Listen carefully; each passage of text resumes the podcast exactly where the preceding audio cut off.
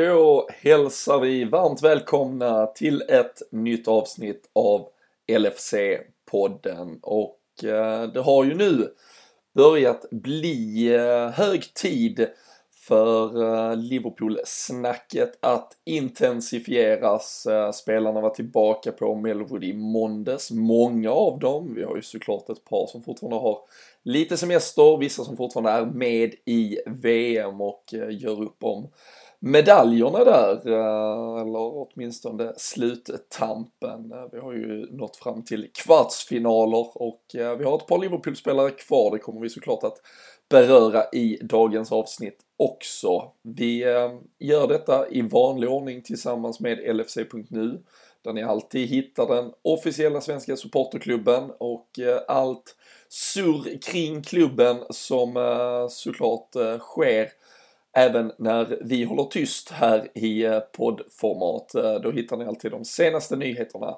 där helt enkelt. Vi eh, gör också detta tillsammans med redsbet.com.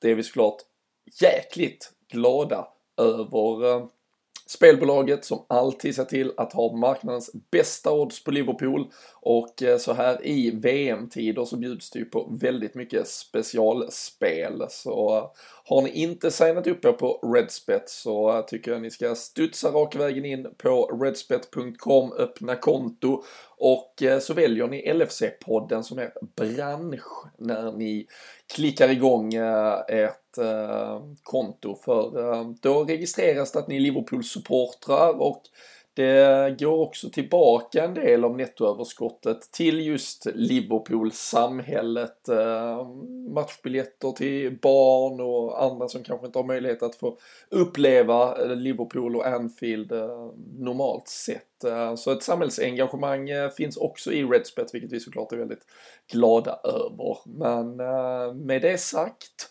så kickar vi igång detta avsnittet.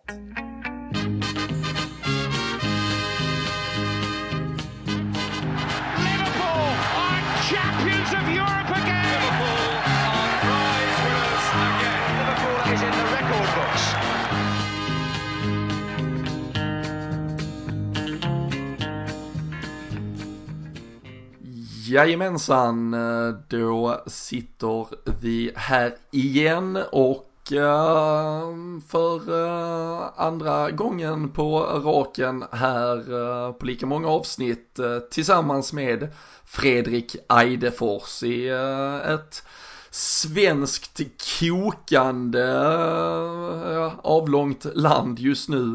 Det är onsdag eftermiddag när vi sitter här och ett drygt dygn sedan Sverige spelar sig till VM-kvartsfinal. Man kan må sämre Fredrik.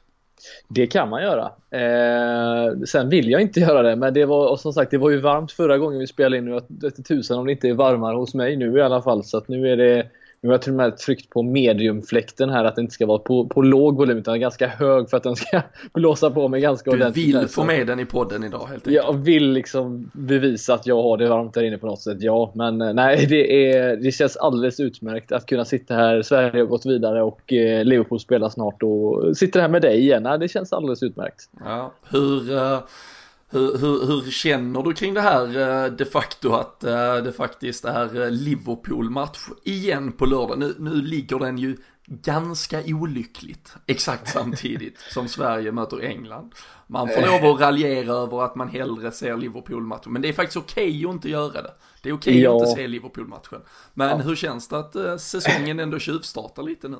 Ja, det känns, eh, det känns konstigt för det känns som att det var inte alldeles nyligen som den faktiskt eh, slutade heller. Eh, men om det är någon gång som sagt man ska få se Sverige före, före Liverpool så är det väl när Liverpool spelar sin första ganska eller vad ska man säga, det är ingen match med, med högt tempo kan vi, förvänta, kan vi inte riktigt förvänta oss. Så att jag tror att ska man missa någon så får det väl bli den här kan vi, kan vi väl vara överens om. Eller vad, vad säger du? Ja, jag kan bara understryka det också. Eh, vi hade ju för, för något år sedan här eh, Jocke Lundberg eh, i podden som i sista sekund sket i att göra högskoleprovet för att se Liverpool-Everton jag känner väl, man, man ska nog, det är inte mycket man ska behöva skita i för att se den här Chester-Liverpool. Det är klart att det kommer bli jäkligt kul att liksom ta del av klipp och eh, sekvenser från matchen i efterhand. Vi, vi kommer prata upp den sen, förhoppningsvis får man ju en första glimt av både Fabinho, Keita i eh, den här eh, vackra Liverpool-tröjan och, och det kommer såklart vara speciellt på många sätt och vis. Men uh, den, uh, den, jag tycker det är okej okay att vi låter den vara liksom match nummer två på lördag. Men uh, att vi såklart ska försöka suga i oss så mycket som möjligt av den. Det blir ändå. en dubbelskärm på det där blir. Ah, ah, ah, ah, det, det ska ju sägas att jag är ju i en så usel situation så att jag kommer befinna mig på ett flygplan. Uh, så jag, jag är ju i den sämsta av alla världar. Jag har inte ens valmöjligheten att se vilken av dem. Men uh, jag räknar med svenskt avancemang uh, så då är man uh, i form till semifinalen istället och mm. så får man ta igen alla godbitar från Liverpool-matchen. det är ju som sagt ett Liverpool som bara var tillbaka på Melwood i måndags. Det är liksom helt i uppstartfasen och här Klopp gör ju ändå detta, vi har sett det förr, att ja men det matchas igång rejält. De slängde ju upp på ett bräde nu, fyra matcher mot lokala lag i stort sett. Eh, och det, det är ju det här sättet han vill få fart på benen. Det, det ska spelas fotboll och det, det känns ju ändå, alltså som sagt det är svårt att förhålla sig till en match på det sättet för det blir ju egentligen bara som en tv-sänd träning känns det som. Men det är ju jäkligt kul ändå för, för både fansen och och även jag kan tänka som spelare också att ja, man kastas in i den miljön. Keita har tillhört klubben i, i sex dagar liksom när man plötsligt får spela lite match. Det känns ja, men precis. Jo, men de, de, behöver ju komma in i det lite också och det är klart att bästa sättet då, även fast det kanske inte kommer vara en i, i, i situationstecken en, eh, alltså matchtempo på det sättet. Så, så att, att få röra bollen, springa runt med sina lag, nya lagkamrater och, och allt det där. Alltså det, det gör ändå en, en liten, eh, liten del i det hela. Så att, eh, eh, det är precis som du säger, det, det, är skönt att de får komma in i det och eh, få, få rulla lite boll här. Och visst, vi har ju som sagt en hel del ja, bra spelare får vi ändå kalla det som mm. är på Melwood nu. Så att eh, de tillsammans med varandra kommer ju få ja, känna på det tillsammans med alla de här ungtupparna som kommer få spela, spela bredvid också. Så det kommer inte vara någon ordinarie elva riktigt som, som spelar eh, en, en hel halvlek utan det kommer vara lite blandat som sagt. Så att det ska bli kul att, att se sen därefter. Mm. Ja, det har ju inte kommunicerats något än så länge huruvida det liksom till 100% blir debuter då så att säga, om än Nej. inofficiella för både Fabinho och Keita och, och vilken typ av trupp eh, vi tar med oss till Chester. Men tittar man på hur det ser ut förra säsongen till då var det ju ofta att man tog med sig 25 spelare, alla de som var igång i träning helt enkelt och så, och så växlar man i stort sett runt i paus eller till och med något byte till i 60 så att alla fick spela och det, mm, det tror vi väl kanske att vi kommer få se här också. Men uh, vi, vi får avvakta och se såklart. Men det ska bli, uh, det ska ju ändå bli kul att se ja. liksom, Liverpool-tröjor på en fotbollsplan. Precis, och är, och är det någon som spelar en hel match så är det väl James Miller sett till eh, testerna som gjordes nu dessutom. Han sprang sönder beep-testet eh, igen. ja men det är helt sjukt. Han är ju... Eh, man, man, tror ju att han liksom, visst han, han har inte alls kvar den, han har inte varit en speedig spelare, men han hade ändå lite mer fart under fötterna när han eh, spelade i Aston Villa och i Manchester City än vad han har nu. Men att han faktiskt liksom i ett test där man ska öka farten ju, mer, ju tröttare man blir. Det är ju faktiskt rätt imponerande att han fortfarande håller i den kvaliteten och så pass tidigt på sommaren ändå som det är nu av säsongen också. Så nej, det är hatten av för den gode James. Ja, Nabi Keita var väl god tvåa om man har uh, förstått Ja, Lalana låg rätt bra Ja, det var Lalana och Keita som hade gjort av för uh, Milner. Mm. Kan varit Lalana på en andra plats. Mm. Fortfarande nej. imponerande. Ja, faktiskt också det jag egentligen var lite överraskad över det var att eh, Lalana var med i träning redan i måndags för han var ju faktiskt med på hela Englands förläger inför VM. Mm. Han var ju en del i den här bruttotruppen de ja, hade eller så här reservlistan. Uh, till exempel så har ju både Gini Wijnaldum och van Dijk fått lite förlängd semester för att de spelade träningsmatcher med Holland i, i samma period. Så det, om, om än att vi kan eh, komma att diskutera hans fotbollskunskap och huruvida han kommer bli någon bärande spelare för Liverpool denna säsongen eller var, var karriären tar vägen för Adam Lallana så visar det ju på ett, ett jävla engagemang och liksom äh, även att han, han, han vill visa i alla fall. Så får vi se vad det räcker till. Men eh, det måste ju såklart ändå tas positivt och vi, vi är ju ganska, som du var inne på, vi är ju ganska vi har lite, lite fördel jämfört med, man har ju tittat på det, både Liverpool och Arsenal har ju faktiskt väldigt stora delar av sina trupper dels tillgängliga redan och sen kommer de ha dem i stort sett med då ett få, liksom ett fåtal undantag eh, med tanke på VM-spelare och sådär. Vi får ju in Salah och Mané ganska tidigt eftersom de åkte ut och så vidare. Medan ett, ett Tottenham som i stort sett utgör hela det engelska landslaget, ett Manchester City som ja, utgör i stort sett ett helt VM. Ja, men både Belgien och engelska spelare, där är ju flera City och Tottenham-spelare. Det bör ju såklart vara ganska, alltså vi startar ju ganska tidigt också, vi vet att transferfönstret redan är ihoptryckt lite. Vi, vi bör väl se detta som en fördel att komma liksom ur blocken snabbare än våra konkurrenter kanske.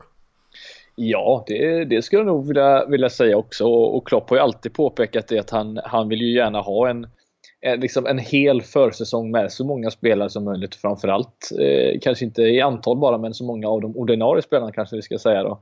Och, eh, och det tror jag bara han ser som ett, ett positivt tecken också. För att eh, tar man som spelare som du säger, som Lalana som visserligen har varit här nu. Det finns en hel del spelare som man kanske önskar är med så mycket som möjligt. Och, och han och eh, många av de här Salomon är ju faktiskt sådana spelare man vill ja, ska träna med laget så mycket som möjligt och inte liksom komma hem allt för sent. Så jag tror att det är, det är bara en fördel faktiskt. Även fast någon City eller Chelsea-spelare eller Tottenham kommer komma hem med en VM-buckla kanske. Det känns lite mer, ger lite mer motivation kanske. Men eh, ju fler spelare desto bättre såklart.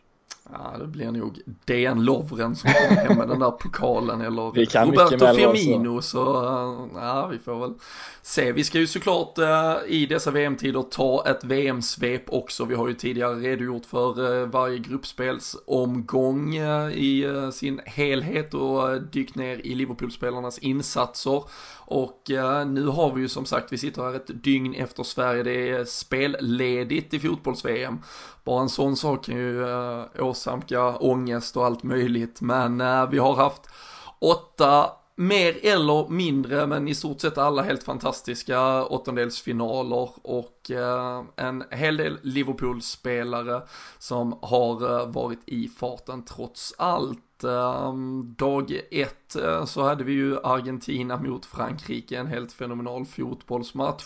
Och eh, sen var det ju Liverpool-koppling, men eh, Luis Suarez då och hans Uruguay som slog Portugal på kvällen där första slutspelsdagen. Saknar du honom när du ser honom Fredrik? Eh, I den här matchen, nej. Eh, sett till att jag kan, av alla oss i podden kanske jag är den som eh, mest, eh, jag har kanske hållit inom mig ganska mycket men eh, just det här svineriet som han faktiskt höll på med den här matchen. Vissa ser det som en vinnarmentalitet, jag ser det mer som, eh, som ett fuskande men det kanske vi ska ta en annan podd. Men det är klart briljansen till, till första målet, absolut. Det är, det är få spelare som som, som har den, den eh, förmågan att hitta spelare på rätt plats som han gör det med Cavani och ett väldigt fint eh, samarbete mellan de två. Men eh, blandade känslor från, från mitt håll. Jag vet att du är kanske lite mer åt andra hållet när ja, det Dels, eh, ja man får ju berömma, är det kanske VM-historiens eh, längsta väggspel de står för? 50 meter åt ena hållet och 50 meter åt andra i stort sett.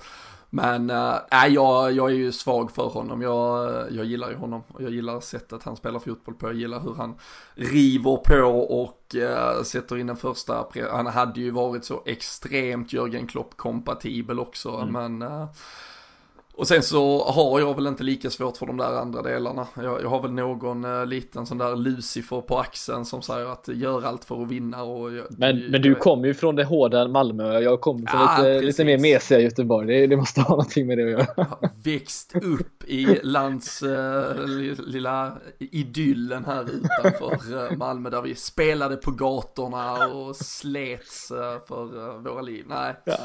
Men, äh, men såklart en fenomenal. Ser ju jäkligt uh, bra ut uh, för, för, för en supporter till ett lag där man har diskuterat försvarsproblem i, mm. i fem år så, så imponerar Uruguay med, med den biten. Det är ju ett, ska vi kalla det ett, ett Sverige fast att de då har dessutom den där spetsen längst fram. Ja, det är väl något i den stilen. Det är sjukt imponerande och som sagt, hela det laget gör ju, det är ett fantastiskt kollektiv men eh, man måste ju ändå bedöma en Diego Godin som eh, för mig fortfarande, får man säga sen Atletico vann ligan, är världens bästa mittback för han gör precis det en mittback ska göra. Han styr ett helt jävla försvar på ett majestätiskt sätt. Eh, och det är bara att och liksom njuta av att se en sån grej. Men, och så har man då de, de två där framme. Det, det, det, kan inte bli bättre än så. Det här är verkligen ett lag som spelar för varandra och det, det kan man vinna VM med som sagt. Absolut, och nu blir det då Frankrike-Uruguay i en eh, kvartsfinal, så det blir ju en, en Liverpool-lös match eh, så sett. Dag två där i eh, slutspelsrundan så klev däremot Dejan Lovren och hans eh, Kroatien in i handlingen. Det var först Spanien-Ryssland som bjöd på efter då ett tyskt fall i gruppspelet, eh, VMs största knall såklart när hemmanationen tog sig vidare. Men sen var det ju av alla matcher och spänning framåt sluttampen så bjöd ju Kroatien-Danmark sen på ja, helt eh, fenomenala bilder egentligen med tanke på eh, friläget, straffen, räddningen, straffläggningen som kom och med Liverpool-hjärtat på plats så var man väl ganska glad att Dejan Lovren slapp kliva fram och försöka avgöra det här. Ja, nej, precis. Det, det, de har tillräckligt bra spelare att, att kunna avgöra det för honom i det här fallet. Och, eh, lite besviken på att Modric inte kan eh, hålla, hålla nere kylan lite där i förlängningen var det väl när han fick mm. den straffen. Eh, men eh, nej, vi har väl sett, vi kommer komma dit, att det, det är inte det är inte alla Liverpool-spelare som, som har huvudet på rätt ställe att kunna lägga en avgörande straff. Men eh, Olovren vet inte tusan om han är en av dem när det kommer till just straffar. Så att han kanske, han kanske klarar sig undan i det här fallet, eller vad säger du? Ja, eh, jag, jag, jag, hoppas ju att han kanske inte heller var sjätte namnet. Nu löste ju Rakitic det på den femte, men eh, mm. han hade väl dykt upp till slut där kanske som 8-9 eller någonting. Jag vet ju att han, eh, han lär ju inte bangat själv brösta upp sig och säga att han gärna tar en i alla fall. Men... Eh, ja, och det får man faktiskt ge honom. Jag tror ska... att han, han skulle nog aldrig säga nej utan han gör nog, han, ja, han har mycket hjärta. Så det, det får vi ge honom. Sen att uh, han då kanske inte hade satt sin straff, det är en helt annan sak. Ja, den enda han har, jag reserverar mig lite, men den enda han har slagit för Liverpool är väl Besiktas ja, uh, borta. Den satte han väl 40 meter över ungefär. Något i den stilen. Så, uh, nej, men uh, han fick uh, beröm igen. Han och Vida, ett ganska starkt kroatiskt försvar också.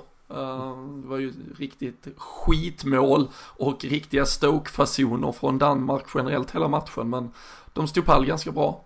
Ja, absolut. Nej, men det är egentligen en, en situation som Loven har varit inblandad som har varit eh, under all kritik och, och, det pratade vi om i, i förra mm. avsnittet. Annars så har han eh, tillsammans med det här Kroatien varit ett... Eh, han har varit bra där bak. Mm. så han har varit stabil sett till liksom, de förutsättningarna men jag tror inte, för mig ändrar det ändå inte eh, liksom inställningen jag har till honom och Liverpool framöver. Men eh, absolut får vi ge honom att han har gjort ett bra jobb med ett Kroatien som till ganska stor chans eh, nästan går till en final om man får se hur laget på den sidan har presterat rent spelmässigt. Där kommer ju ett Sverige i semifinal, så då får vi se. Ja, då får vi se vad de verkligen, då får de bekänna färg. Men äh, jag pratade faktiskt med en kroatisk äh, kompis, han sa ju det ändå, de var ju väldigt glada. De äh, har ju samma relation till Dejan Lovren som vi Liverpool-supportrar har och de var väldigt glada att det kom ett helt betydelselöst misstag där i tredje matchen för han sa då bör det gå i alla fall tre eller fyra eller till och med fem till, till nästa gång det sker och då, då hinner vi förhoppningsvis ha spelat klart VM innan det är dags igen liksom så det det blir alltså en Liverpool-tröja han gör det menar du? Ja, det blir nog troligtvis i premiären mot West Ham istället där den 11 eh, augusti helt enkelt. Så nej, vi får, vi får se, men eh, det är ju såklart eh, jäkligt kul att Dejan Lovren är kvar och vi har ju pratat om det tidigare, han är ju en av få då tillsammans med Jordan Henderson egentligen som är helt ordinarie då i något av de här kvarvarande lagen. En som vi tycker borde vara det men ändå tackar tacksamt för att han inte är det. Då behöver ni inte slita ut honom utan han kommer utvilad till nästa säsong. Det är ju Roberto Firmino och eh, hans Brasilien eh, vann ju med 2-0 mot Mexiko. Då kom han in och gjorde det som Gabriel Jesus har misslyckats med hela VM eh, och mål. ja. i öppen bur. Enkelt och snyggt men ja, Ett effektivt. Ja, han är liksom ett kutmål. Han är på plats och normalt sett så säger vi att det är han som kanske slår fram passningen snarare än att göra det här målet. Men eh, om det är något som Firmino ändå har bevisat nu de senaste Alltså egentligen sen han kom till Liverpool med säsongen därefter, kanske inte just första säsongen, att, att han är en väldigt liksom, flexibel spelare. Att han måste inte alltid vara ja, framspelare utan han kan även göra det sista avgörande målet i, i boxen också. Det är ja, rätt man på rätt plats får jag ändå säga. Som nu då har gjort ett mål på, vad är det nu, han har spelat en timme kanske, något sånt där. Mm. Och Jesus har spelat i x antal hundra minuter. Så att det är, jag vet inte om det är fram till en final eller överhuvudtaget som eh, de kommer inse att det är han som egentligen borde spela där uppe. Nej, Tite vägrar ju. Nu, nu, nu tycker han väl själv kanske att han har fått rätt i, i viljan fallet. Ja. Han var ju klart mycket bättre mot Mexiko än vad han har varit tidigare under mästerskapet. Men jag tycker Jesus fortfarande lyser med eh, lite frånvaro och egentligen inte bidrar jättemycket till eh, den där brasilianska offensiven. Så vi får väl se om eh, Firmino till slut får chansen. Han gjorde ju mål i den här träningsmatchen mot Kroatien på Anfield inför mästerskapet och han kom ju in och gjorde en assist här och så ett mål nu så han har ju han har ju ändå poängplockat och, och varit liksom eh, delaktig där framme så han, eh, han lär ju inte ha försvagat sina aktier i alla fall. Men vi, vi pratar väl om ett drömscenario där han är den här inhopparen och blir en viktig del i ett lyckat Brasilien utan att för den saken skulle slita ut sig. Så vi vi eh, ska väl kanske stå fast vid det, det är kanske det bästa för Liverpool-håll ja. i alla fall ja, låt han avgöra VM och sen komma hem eh, trots att han bara spelat eh, max en match sett till 90 minuter över ett hel, en hel turnering. Det hade inte varit helt fel han känns ju också kompatibel med att typ ta lite kortare semester för att komma hem och vara med. Han kommer ju vara sugen alltså. Ja, så. absolut. Jo, men han vill nog spela, han, klart han vill spela fotboll, det vill ju alla göra. Så att, eh, men sen har vi ju sett på sociala medier att han är inte, han är inte främmande för att, eh, för att åka iväg och, och dansa ah, till eh, sydamerikansk musik. det, han kommer nog eh, ligga med en jävligt bra bränna på någon eh, lyxjakt någonstans också. Det, det ska han hinna med. Det, ja Eh, det förtjänar han. Men vi, eh, vi längtar såklart efter att få tillbaka eh, vår Bobby på Anfield också.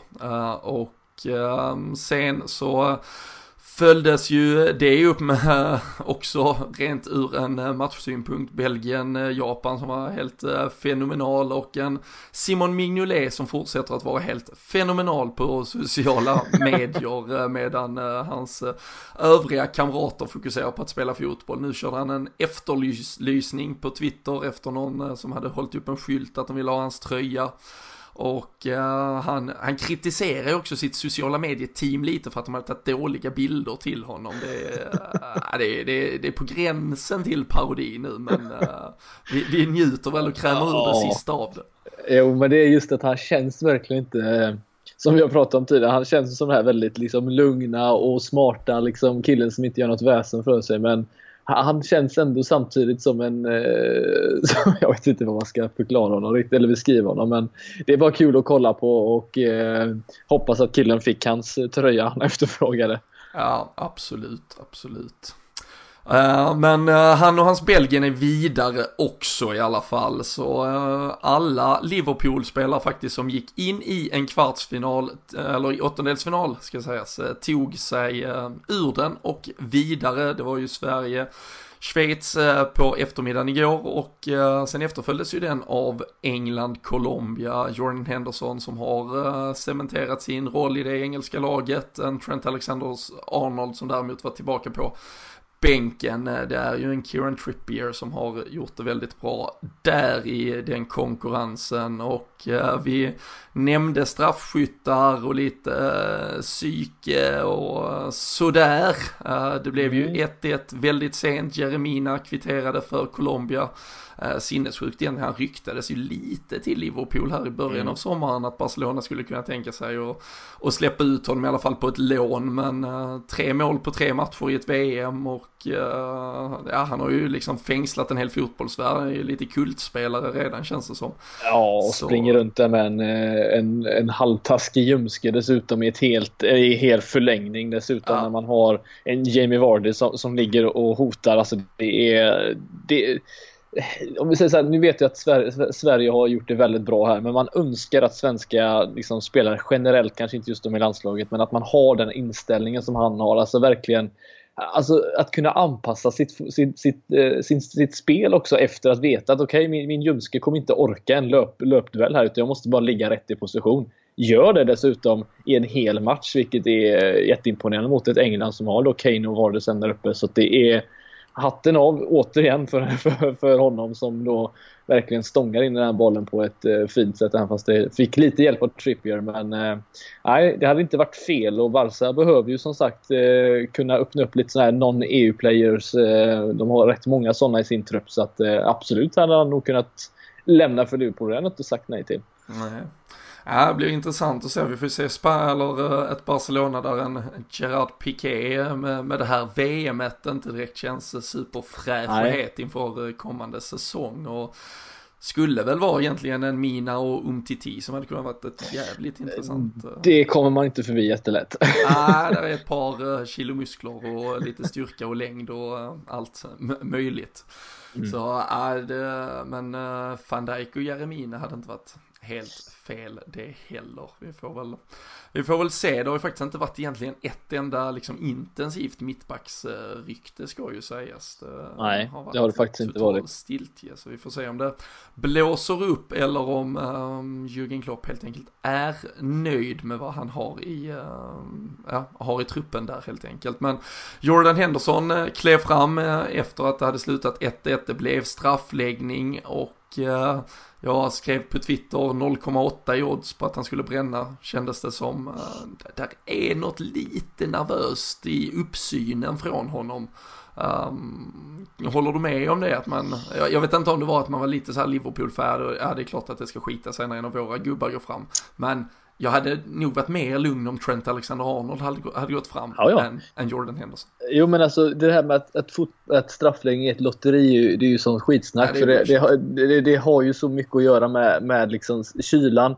Men framförallt just hur man hur man träffar bollen. Alltså, får du den dit du egentligen tänkt? Om man kollar på alla spelare som, drar en, en eh, som lägger en straff i den här straffläggningen vet ju exakt var de ska lägga den. Det var fantastiska straffar dessutom. Eh, de flesta av dem, inte egentligen alla.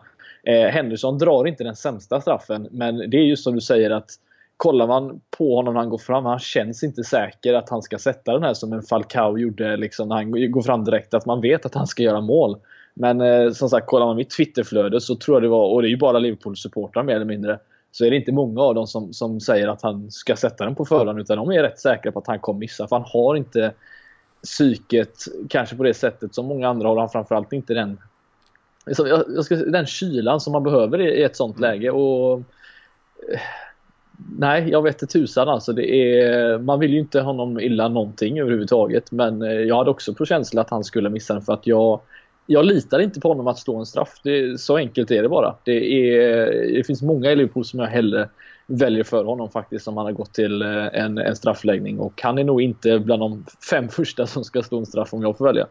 Nej, jag, jag kan bara hålla med. Uh, som sagt, uh, som du säger det här med att det är ett uh, lotteri i strafflängd, det, det, är det ju absolut inte. Utan det är ju en uh, helt egen gren i sig med liksom uh, som sagt ett psyke som ställs på prov men också hur din bollträff är uh, och så vidare mm. och vad du lyckas fokusera på. Det, um, liksom, de, jag tycker de andra engelska spelarna, det har ju snackats mycket om att de har tränat mycket straffar och det skulle vara spelare som ville slå straffarna. Det, det tyder ju såklart på, på liksom ett, ett inre mod trots allt hos Henderson. Men jag vet, ibland känns det, och det är ju det vi har pratat om med hans liksom, lagkaptenskvaliteter och sådär, att vissa saker är han är så mycket träningsprodukt, han är så mycket uppbyggd i att, ja, men liksom, han kommer göra, alltså han är ju beredd att, att dö för sin fotbollskarriär. Det, och det ska man ge Jordan Henderson, det är helt Absolut. fantastiskt.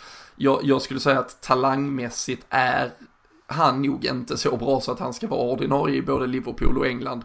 Men han har varit det med den äran och det liksom, han gjorde det jättebra i Liverpool i slutet av förra säsongen.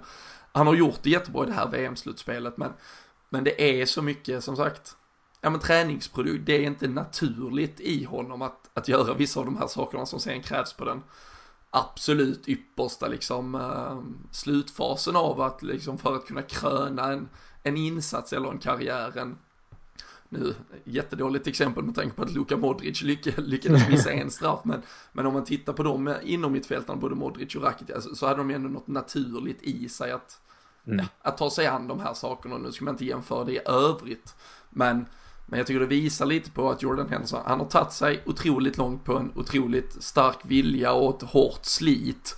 Men det finns vissa saker jag inte tror att han har naturligt i sig som ändå krävs för att man ska ja, fortsätta utmana bland de allra bästa eh, i världen helt enkelt. Nej, precis. Och, och jag tror att det, han har ju inte haft en, eh, eller jag vill säga så här, om jag hade fått, själv gått igenom samma situation så vet det tusan om det hade hjälpt. Men just att han, när han kommer till Liverpool så är han ju då ett en, en högermittfältare i ett 4-4-2 mer eller mindre under Kenny Dalglish. Sen formateras det om lite och då blir han en ytter, alltså en, en 4-2-3-1 winger. Sen går han ner till ett till en diamant och spelar ytter där. Sen ska han ner och spela defensiv mittfältare. Alltså det känns som att han har, hans karriär har gått väldigt så här, Det har zigzackat framåt på något sätt för han har inte riktigt fått spela på samma position under en längre period utan han har liksom fått variera runt lite och jag tror inte det har hjälpt honom egentligen kanske för att han, visst många spelare behöver kanske testa på andra positioner för att hitta där man är som bäst men, men för mig är Henderson inte den sittande mittfältaren. Han är en box-till-box-spelare, kommer alltid att vara det enligt mig och då är det, då är det lättare för honom att ta fram liksom att, att det blir en, en instinkt i det han gör och att han inte tänker efter riktigt på det sättet som, som en Luka Modric gör som du säger. Som, om man ska då jämföra absolut med de bästa bara för att se hur nära man faktiskt är. Och det är allt Modric gör, görs, gör som en tanke men för, för, det blir för mycket liksom av, av en slump när Henderson ska göra vissa saker. Och det, är, det är väl därför han kanske inte riktigt kommer ta det steget. Men eh, jag vet inte tusan, det är, det, är en, det är en svår diskussion också för att mm. man, man vill att han ska ta steget men eh, samtidigt har man sett så många spelare i Liverpool som man haft liksom höga förväntningar på eller man tror ska ta steget som inte har gjort det heller. Och det är, jag tror att om en, två säsonger så, så, är han nog inte där den spelaren som startar Liverpool heller och jag tror att det säger en hel del om de spelarna som dessutom har kommit in nu. Alltså en Fabinho mm. som definitivt eh, gör allting med, med flit och som vet precis vad han ska göra och samma med Keita. Så att det är det återstår väl att se hur, hur detta kommer att sluta men en truppspelare kommer han nog att vara i Liverpool om man ska spela kvar ska jag gissa. Mm. Nej men det är, det är intressant som du säger, alltså han, han, han hittar ju oftast vägen in i en startelva i alla mm. lag och alla formationer. men han blir ju aldrig stjärnan i någon av dem och det är, liksom, det är ju fine någonstans, den typen av spelare behövs också. Ja, men vi kan nog börja närma oss en kritisk punkt med tanke på dem spelarna som redan har kommit och om det eventuellt ryktas om någon till och det ska börja byggas om lite på det där mittfältet. Men eh, vem vet, han hittar väl kanske sitt sätt att bli nyttig eh, även denna säsongen. Han, eh, han lär ju såklart få, få sin speltid. Frågan är om han blir det som, som helt ordinarie eller hur eh, det kommer att formeras när det väl är dags. Vi får väl ändå utgå ifrån att både Fabinho och Keita någonstans ändå i grunduppställningen ska in i den där startelvan. Mm. Då Men... är det ju max en mittfältsplats kvar beroende på hur vi väljer att eh, formera. Så det blir ju verkligen spännande. Men vi eh, fick alltså alla Engel, alla Liverpool-spelare eh, vidare från åttondelsfinaler. Nu kommer några av dem att springa på varandra. Vi har Belgien-Brasilien, får vi väl? Ja, det stämmer bra. Där har vi ju Mignolet och Firmino på bänken då, så en kommer att åka hem eh, här, men eh, annars är det ju Kroatien-Ryssland. Vi kan väl utgå ifrån att Dejan Lovren får stanna lite till i Ryssland i så fall. Ja. Om inte Putin har tänkt något annat. Annat, ja. Och det har han nog dessutom. Sen eh, hoppas vi ju såklart eh, på alla sätt och vis nu att både Jordan Henderson och Trent Alexander-Arnold däremot får åka hem och gå på semester på lördag. Eh, mm. Men uh, frågan är väl om de får göra det eller inte. Ja, alltså jag... Som sagt, Sverige har gått igenom och mött en hel del bra lag. Även fast de förlorade mot Tyskland så, så har de varit riktigt bra mot egentligen. Eller de har varit väldigt svenska mot alla. De har spelat precis som de ska göra. Men jag, jag tror ju att England eh, Eh, Eh, slår ut oss. Jag tror att deras eh, speed med Sterling och, Lingard på mittfältet slash bakom Kane kommer... Jag tror det kommer bli lite för mycket så att eh, vi kommer nog snarare få se eh, Dejan Lovren mot Harry Kane igen i en semifinal. det låter inte helt fel det heller visserligen men jag tror på England faktiskt tyvärr. Mm. Ja men det, det, det, ska man väl göra om man tittar på, på hur Uh, Oddssättarna och uh, allra flesta i majoriteten uh, tittar på det utifrån så, så är ju England såklart favoriter när, uh, när vi spelade in. Jag kikade lite, det var väl 1,90 gånger pengarna på England, uppemot 4 gånger mm. pengarna på Sverige.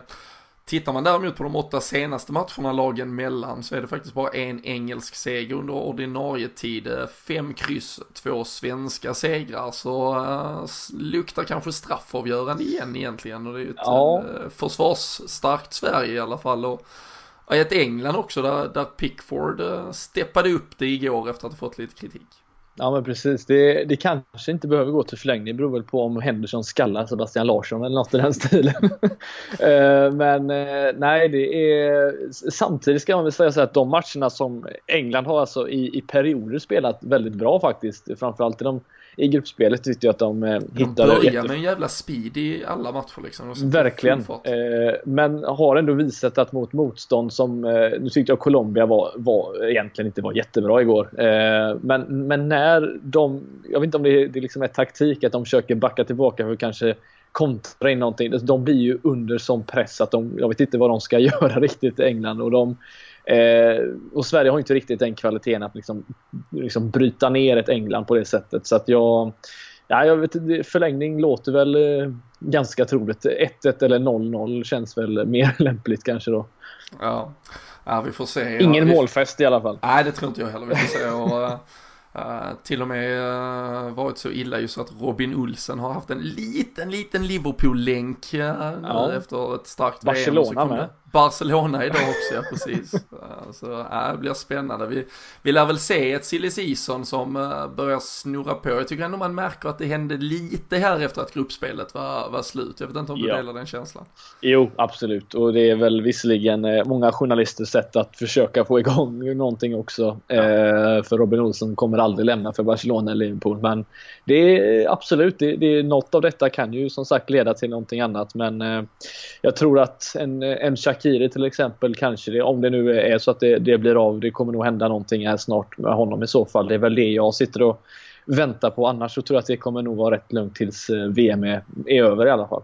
Mm. Nej, det där är ju faktiskt en liten transfersaga som eh, det svenska avancemanget faktiskt eh, kan ha satt fart på nu.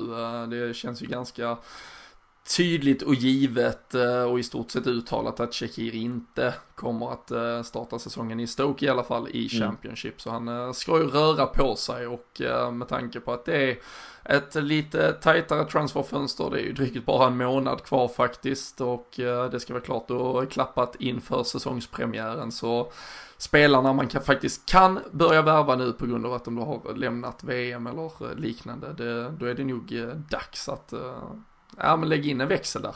Mm. Så vi lär få se en del aktivitet. Eh, det har ju surrats lite på Twitter också, nu, nu nämnde vi Robin Olsen. Men eh, ett av de här kontona som ibland i alla fall brukar ha koll. Sen får man väl se om det, eh, hur mycket som ligger i det. Men har ju satt en del tidigare, Peter Phillips heter han. Han tweetade ut idag då att Eh, en målvakt ska vara på gång. Och eh, det fick ju andra ganska stora av de här Twitterkontona som brukade ha lite eh, källor att, att också kommentera det och säga att det kan faktiskt ligga något i det, men det är inte ett namn som kommer göra oss särskilt uppspelta. Det är ingen Oblak om vi säger så. Nej, vad, det är ingen vad, vad skapar du av dessa rykten och vad ger det för känsla? Eh, en, en dålig känsla faktiskt. Jag tycker eh, att, eller dålig kanske jag inte ska säga, det, det, är lite mellanmjölk för mig för att det är Ska vi inte hämta in en målvakt som går in och blir första målvakt så ser jag ingen anledning att hämta in någon överhuvudtaget. Såvida det inte är så att de sitter på information om att någon, eh, någon ska lämna. Och Eh, Eh, Mignolet har, vet vi att han, han vill ju egentligen starta även fast han eh, trivs bra på bänken med sina sociala medier. Men han, han ska ju spela för, eh, starta för en, en, en någon annan Premier League-klubb gissar jag på. Det är väl där hans nivå ligger. Och eh, då ska du in någon kanske som ska konkurrera med, eh, med Karius som jag tror fortfarande kommer vara nummer ett när vi startar den här säsongen. Och, och då blir det liksom, vad ska Hård göra? Man, det, det, är en liten konstig situation och jag kommer inte in någon som ska vara första målvakt så, så ser jag detta som ett ett onödigt moment att gå igenom för att jag, jag vet inte riktigt hur, eh, hur det ska hjälpa oss egentligen. Och nu vet jag inga vilka namn, om du har, kanske har dykt, dykt upp något på ditt flöde så sätt, men det, det känns ju som att det är, det är någon, någon, brittisk målvakt eller något i den stilen som ska in och göra det och då vette tusan om det är det är värt det faktiskt. Nej, samtidigt problemet här är ju lite, då för det börjades ju snackas namn såklart, eh, en Jack Butland har ju nämnts tidigare, men, men, men som det lät i hur de pratade här i, när han liksom blev ute här så är det ju faktiskt att något skulle kunna bli klart i, i dagarna och då mm. är det egentligen ingen av de här spelarna som är uttagna i, i VM och kvar i VM. Där är ju både Nick Pope och Jack Butland som, som har varit snacket lite. Mm. Uh, sen har vi ju såklart en, en Allison, men det är ju en, en, en målvakt som vi nog alla hade blivit glada över, så han går ju bort på på den formuleringen helt enkelt, men han är ju kvar med sitt Brasilien också. Um, så um, vi får väl se om det kommer ett namn sådär från ingenstans helt enkelt och då lär det ju vara en reservmålvakt som, som i så fall skulle kunna vara ja, lite mer på tillväxt, lite yngre uh, och beredd att ta den rollen om nu Mignolet vill vidare helt enkelt. Mm. Eller om... att man har gått den helt andra vägen och tagit en, alltså typ en en Asmir Begovic ja, eller någonting. Precis eh, säga det faktiskt. Som, som liksom är beredd att sitta helt och hållet som andra keeper liksom. Ja, för det har ju inte varit jättebra. Jag tänker Chelsea och City har ju varit väldigt bra på det att hämta mm. in någon väldigt rutinerad liksom, andra målvakt som går in och gör liksom... Visst, de kan komma, ha någon skada på sin huvudmålvakt och så kan de ju komma in liksom mot ett, ett topplag till de här ibland och liksom faktiskt vara skillnaden. Och, och, det har vi ju faktiskt aldrig egentligen haft på, på senare tid, om ens någonsin. Så det är ju... Eh, det är också en väg att gå, men det känns inte som att det är det känns aktuellt att, att det, det är inte Liverpool sättet att gå vidare känns det inte som. Nej.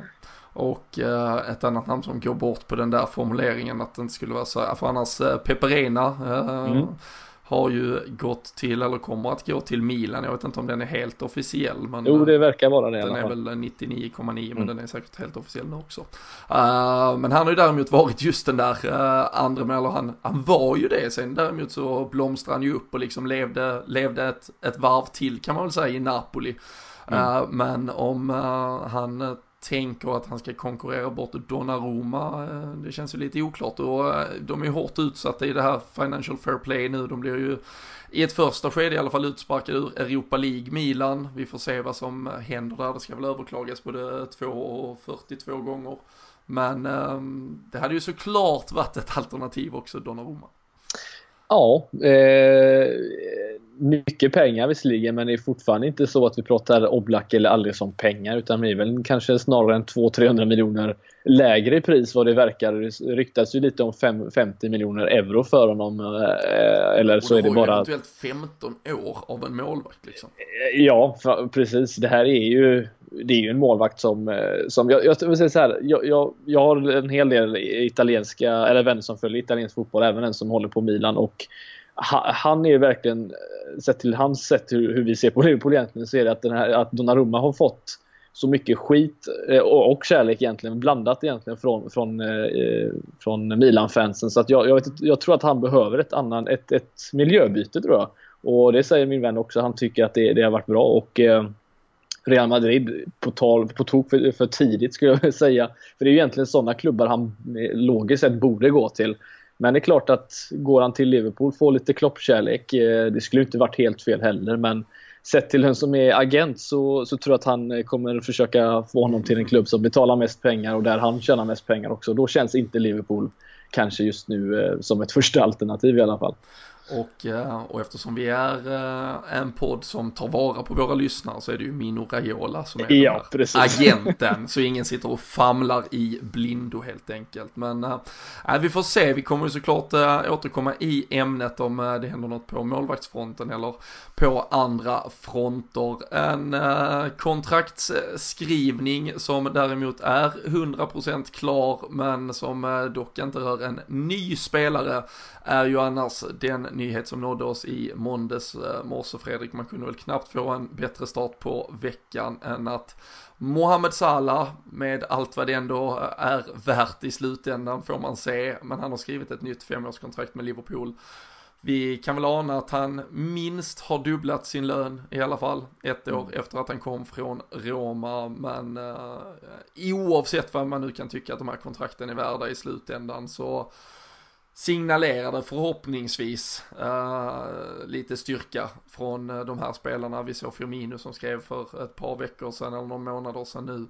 Och uh, ja men många spelare faktiskt nu av, man kan nog ändå säga det kanske av en åtta av elva eller nio av elva nästan i en startelva som, som sitter på riktigt långa kontrakt. Det visar ju ja. på en kontinuitet eller i alla fall en målsättning om att ha det och bygga detta laget på den stumme som är där idag. Mm. Nej men precis, jag, jag vaknade upp till, till nyheten om att vi först i faktiskt hade firar fem år som, som LFC-podden samma dag där som jag skrev till oss i vår lilla poddgrupp. Som, så jag blev ju ganska överlycklig av det men sen när jag ser att eh, Salah då skrivit ett femårskontrakt så blev det väl lite bättre såklart. Och det är som du säger att eh, en hel del spelare som, som sitter på liksom så här 3 till 5 år. Som, så att jag tror att vi i alla fall nu kan tänka oss att ha den här stommen och bygga på ytterligare i en 2-3 säsonger till minst innan kanske de här storklubbarna försöker roffa åt sig en Salah, Mané eller, eller Firmino eller Keita till och med för den delen också. Eh, och eh, under den perioden så, så tror jag att vi kommer kunna bygga på detta ännu bättre. Så att jag, jag, det här känns väldigt bra. Eh, jag känner mig ganska lugn och tro på det här projektet och hoppas att Klopp nu kan få lite utdelning också på det hela och att det inte bara blir eh, finaler utan pokaler. Mm. Det är väl egentligen det enda som faktiskt saknar för att så pass bra är den här startelvan att kunna utmana liksom i, i eh, på, på, sikt också. Men eh, då får man ju se till att man tar vara på detta och inte bara låter de här storklubbarna som City, Chelsea, United och Tottenham, Arsenal och alla de andra lagen eh, liksom göra samma sak och, och, gå om oss i det fallet. Så att, men har vi som sagt alla de spelarna här så har vi ju förutsättningen att kunna jobba oss uppåt och ta en andra plats och potentiellt kanske till och med utmanar eh, allra högst upp. Mm. Nej men det är ju fantastiskt. Eh, Trent Alexander-Arnold skrev ju själv ett, eh, ett nytt långt kontrakt. Mm. Van Dijk kom ju i vintras. DN Lovren då som är ett, ett frågetecken där, målvaktsfronten eventuellt. Andy Robertson kom ju också förra säsongen. Jordan Henderson lär, lär inte lämna någonstans innan, innan klubben vill det i alla fall. Jag tror inte han är den som själv kommer att pocka på för en, en försäljning, men om han nu är den som kommer att starta tillsammans med Keita och, och Fabinho så, så har vi ju liksom en kontinuitet där och det är väl Sadio Mané man, man hoppas på, ska eh, liksom eh, glömma alla eventuella lockebud, det har ju pratats Real Madrid, eh, vi vet inte riktigt hur han har tagit uttåget ur VM med sitt Senegal på de där förbannade fair play-poängen. Men eh, kritar vi på honom också så, så, så måste man ju bara ge alltså, alla i klubben eh, superapplåd att vi liksom har trots allt knutit upp alla de här spelarna för så lång tid framöver. Sen igen, det är värt vad det är värt fram tills dess att någon mm. vill köpa dem av någon anledning och slänger upp andra pengar på bordet. Men det är väl ändå en indikation på något eh, väldigt välmående i vår fotbollsklubb eh, ja. 2018.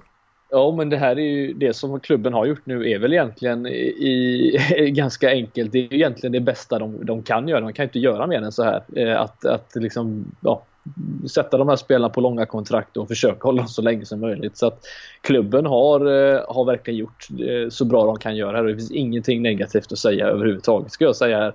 Så att, eh, och det är som du säger att ibland kan man bara inte styra att det kommer en klubb med snuskigt mycket pengar och, och, andra typer av erbjudanden som, som de inte kan säga till, eh, nej till. För att som sagt, de är människor, de har familjer. Eh, att få bo i Monaco eller Paris eller Barcelona, vad det nu kan vara. Det är klart att det är, ja, Monaco kanske inte är aktuellt, men eh, de här klubbarna som, som har mycket pengar, det, det, det, det lockar. Jag menar, de, de är människor precis som oss.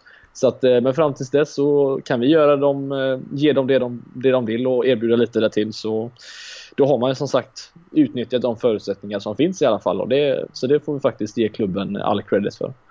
Verkligen. Uh, tycker också på tal nu när du nämnde Monaco så uh, började jag tänka Fabinho så hans, uh, tänkte lite konkurrens faktiskt på sociala mediefronten uh, där hans uh, ja. tjej Rebecca Tavares heter hon väl.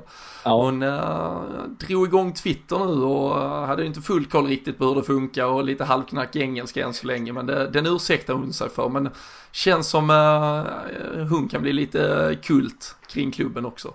Ja, framförallt när du går in och, gillar en bild på Instagram när Sergio Ramos gråter. Det känns ju som vi redan har en, en vinnare där och jag menar, hon pratar redan engelska. Agüero kan ju inte ens prata ett ord engelska. Så det, vi får se att det är snabb lärning här och eh, jag tror att hon kan eh, ta vårt, eh, vårt Liverpool med lite storm i alla fall. För att det är alltid kul med lite aktivitet bland spelare och fruar och allt möjligt. Ja, verkligen. Och eh, som sagt, eh, fantastiska nyheter här kring eh, Mohamed Salahs kontrakt. Eh, det, det ryktades ju att han hade kanske en hundratusen i veckan eh, i sitt förra kontrakt. Han måste ju ha gått över 200 000 nu, skulle jag säga. Ja, och jag tror att det är klart att det finns utrymme för spelarna också, men eh, Sturridge till exempel sitter ju på en stor summa. Jag kan tänka mm. mig att eh, nu när han lämnar, som han troligtvis kommer göra, att frigöra lite utrymme för att ge lite, ja, fördela ut det på de andra spelarna. Det känns som ett ganska naturligt sätt att, att göra det på. Så att, eh, jag tror han är nog uppe någonstans där. Jag menar, han är ju, han borde ju tjäna lika mycket som eh, många av de andra toppspelarna i de andra lagen. Bara Att de har möjligheten att kanske betala lite mer. Men han förtjänar det i alla fall. Det kan vi väl vara ganska eniga om. Det eh, är vi absolut. Salla Salah har ju dock semester eh, lite till här, men eh, som vi nämnde inledningsvis så börjar matchandet nu eh, på lördag. Chester borta i eh, första av en, eh, ja, men en handfull i stort sett matcher då mot, om vi ska kalla det lite lokalare lag. Man börjar med att träningsspela här på hemmaplan innan man beger sig på International Champions Cup i USA och det är ju först då de flesta, om vi säger sista spelarna äh, ansluter här. Men äh, vad, vad, vad, hoppas du få se någon glimt av på lördag om du, om du får lite så här äh, drömma dig bort och klicka, tänka dig att du har en 5-6 goa klipp att titta på på lördag kväll efter att Sverige har slått ut i England så när du sitter där och ska komma ikapp vad som hände i Liverpool-matchen. Uh, vad jag ser framför mig är väl i, egentligen en, uh, en, ett genombrott av Naby Keita. Om det är väl vad jag skulle vilja se. Ett, ett väggspel med, uh, med en, ja, vem som helst egentligen genom och dribbla målvakten och lägga in en öppet mål. Det, det, ser jag redan framför mig faktiskt. Så det kan du nästan boka in att vi kommer få se. Sen eh, vill jag ju, jag vill ju få se så mycket som möjligt av Fabinho och Keita. Det är egentligen det, det främsta jag känner här nu. Det är inte så mycket mer i det andra laget som exalterar mig. Men eh, något, eh, något positivt från någon av dem. Något mål kanske eller någon trevlig assist. Det, det är väl vad jag hoppas på i alla fall. Jag vet inte om du har något annat du sitter och, och, och väntar på. Men det känns som att det, det är väl något i den stilen som de flesta kanske vill se. Ja, det är jag helt övertygad om och jag skriver under på det direkt också. Det, det hade ju såklart klart varit fint att se Adam Bogdan, men nu gick han ju på ett lån äh, igen här.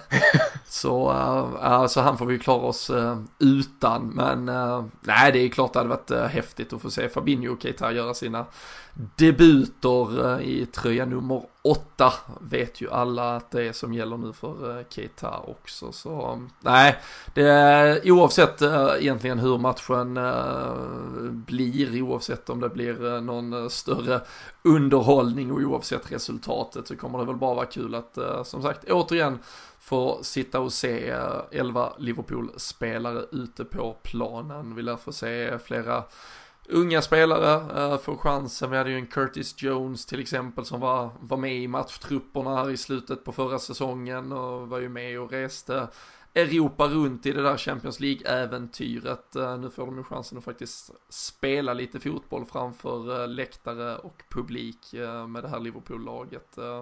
Harry Wilson som hade ett jättefint lån i Hall, så det blir kul att se honom om han har tagit kanske ytterligare ett ett steg, har väl antagligen bulkat upp lite muskler och annat under sin tid där och säkert fokuserat mycket på, på att just komma till en försäsong nu för att visa sig. En Divock Origi som vi pratade om senast som måste ja, eh, bevisa vad han är värd egentligen. Det lär stå och falla med vad han presterar faktiskt. Eh, så eh, ja, men det är ju många intressanta aspekter. Så vi kommer ja. inte...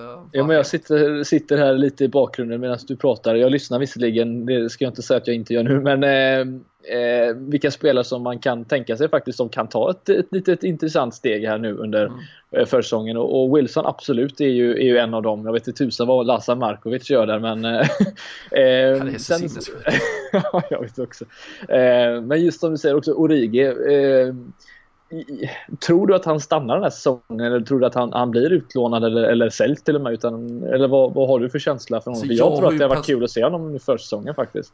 Ja, men jag, jag hoppas få se honom både, både liksom nu och även i någon, om vi ska kalla det någon riktig match där det är något sånär liksom mm. uh, Liverpoolig 11. Uh, vi, vi lär ju ha till exempel då i alla fall både Salah och Mané med till USA och eh, med då en, en Keita, en Fabinho, en, en ganska ordinarie backlinje som lär vara på plats och så vidare så, så hade man ju potentiellt kunnat sätta några av de här spelarna man är lite tveksam på, sätta dem i en miljö som ändå är en menar, en ordinarie miljö för jag tycker det är mm. helt omöjligt att liksom så här basera någonting på vad, ja, men vad han som sagt, vad han skulle göra om det är om det just är Origi, Harry Wilson och Cheji Ojo tillsammans de tre, för det, liksom, det ger mig ingenting. Jag vill se Origi som en spets kanske med Salah och Mané bredvid sig och se hur han mm. funkar i den miljön.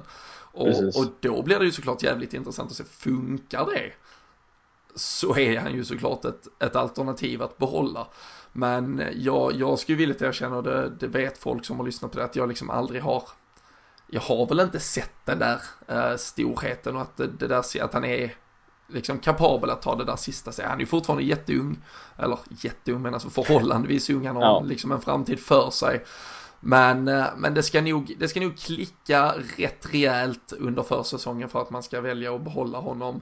Sen tror jag däremot att väljer vi att inte behålla honom så tror jag han kommer kräva att få bli såld och liksom ta sitt pick och pack och, och starta sin mm. karriär på nytt någonstans på riktigt.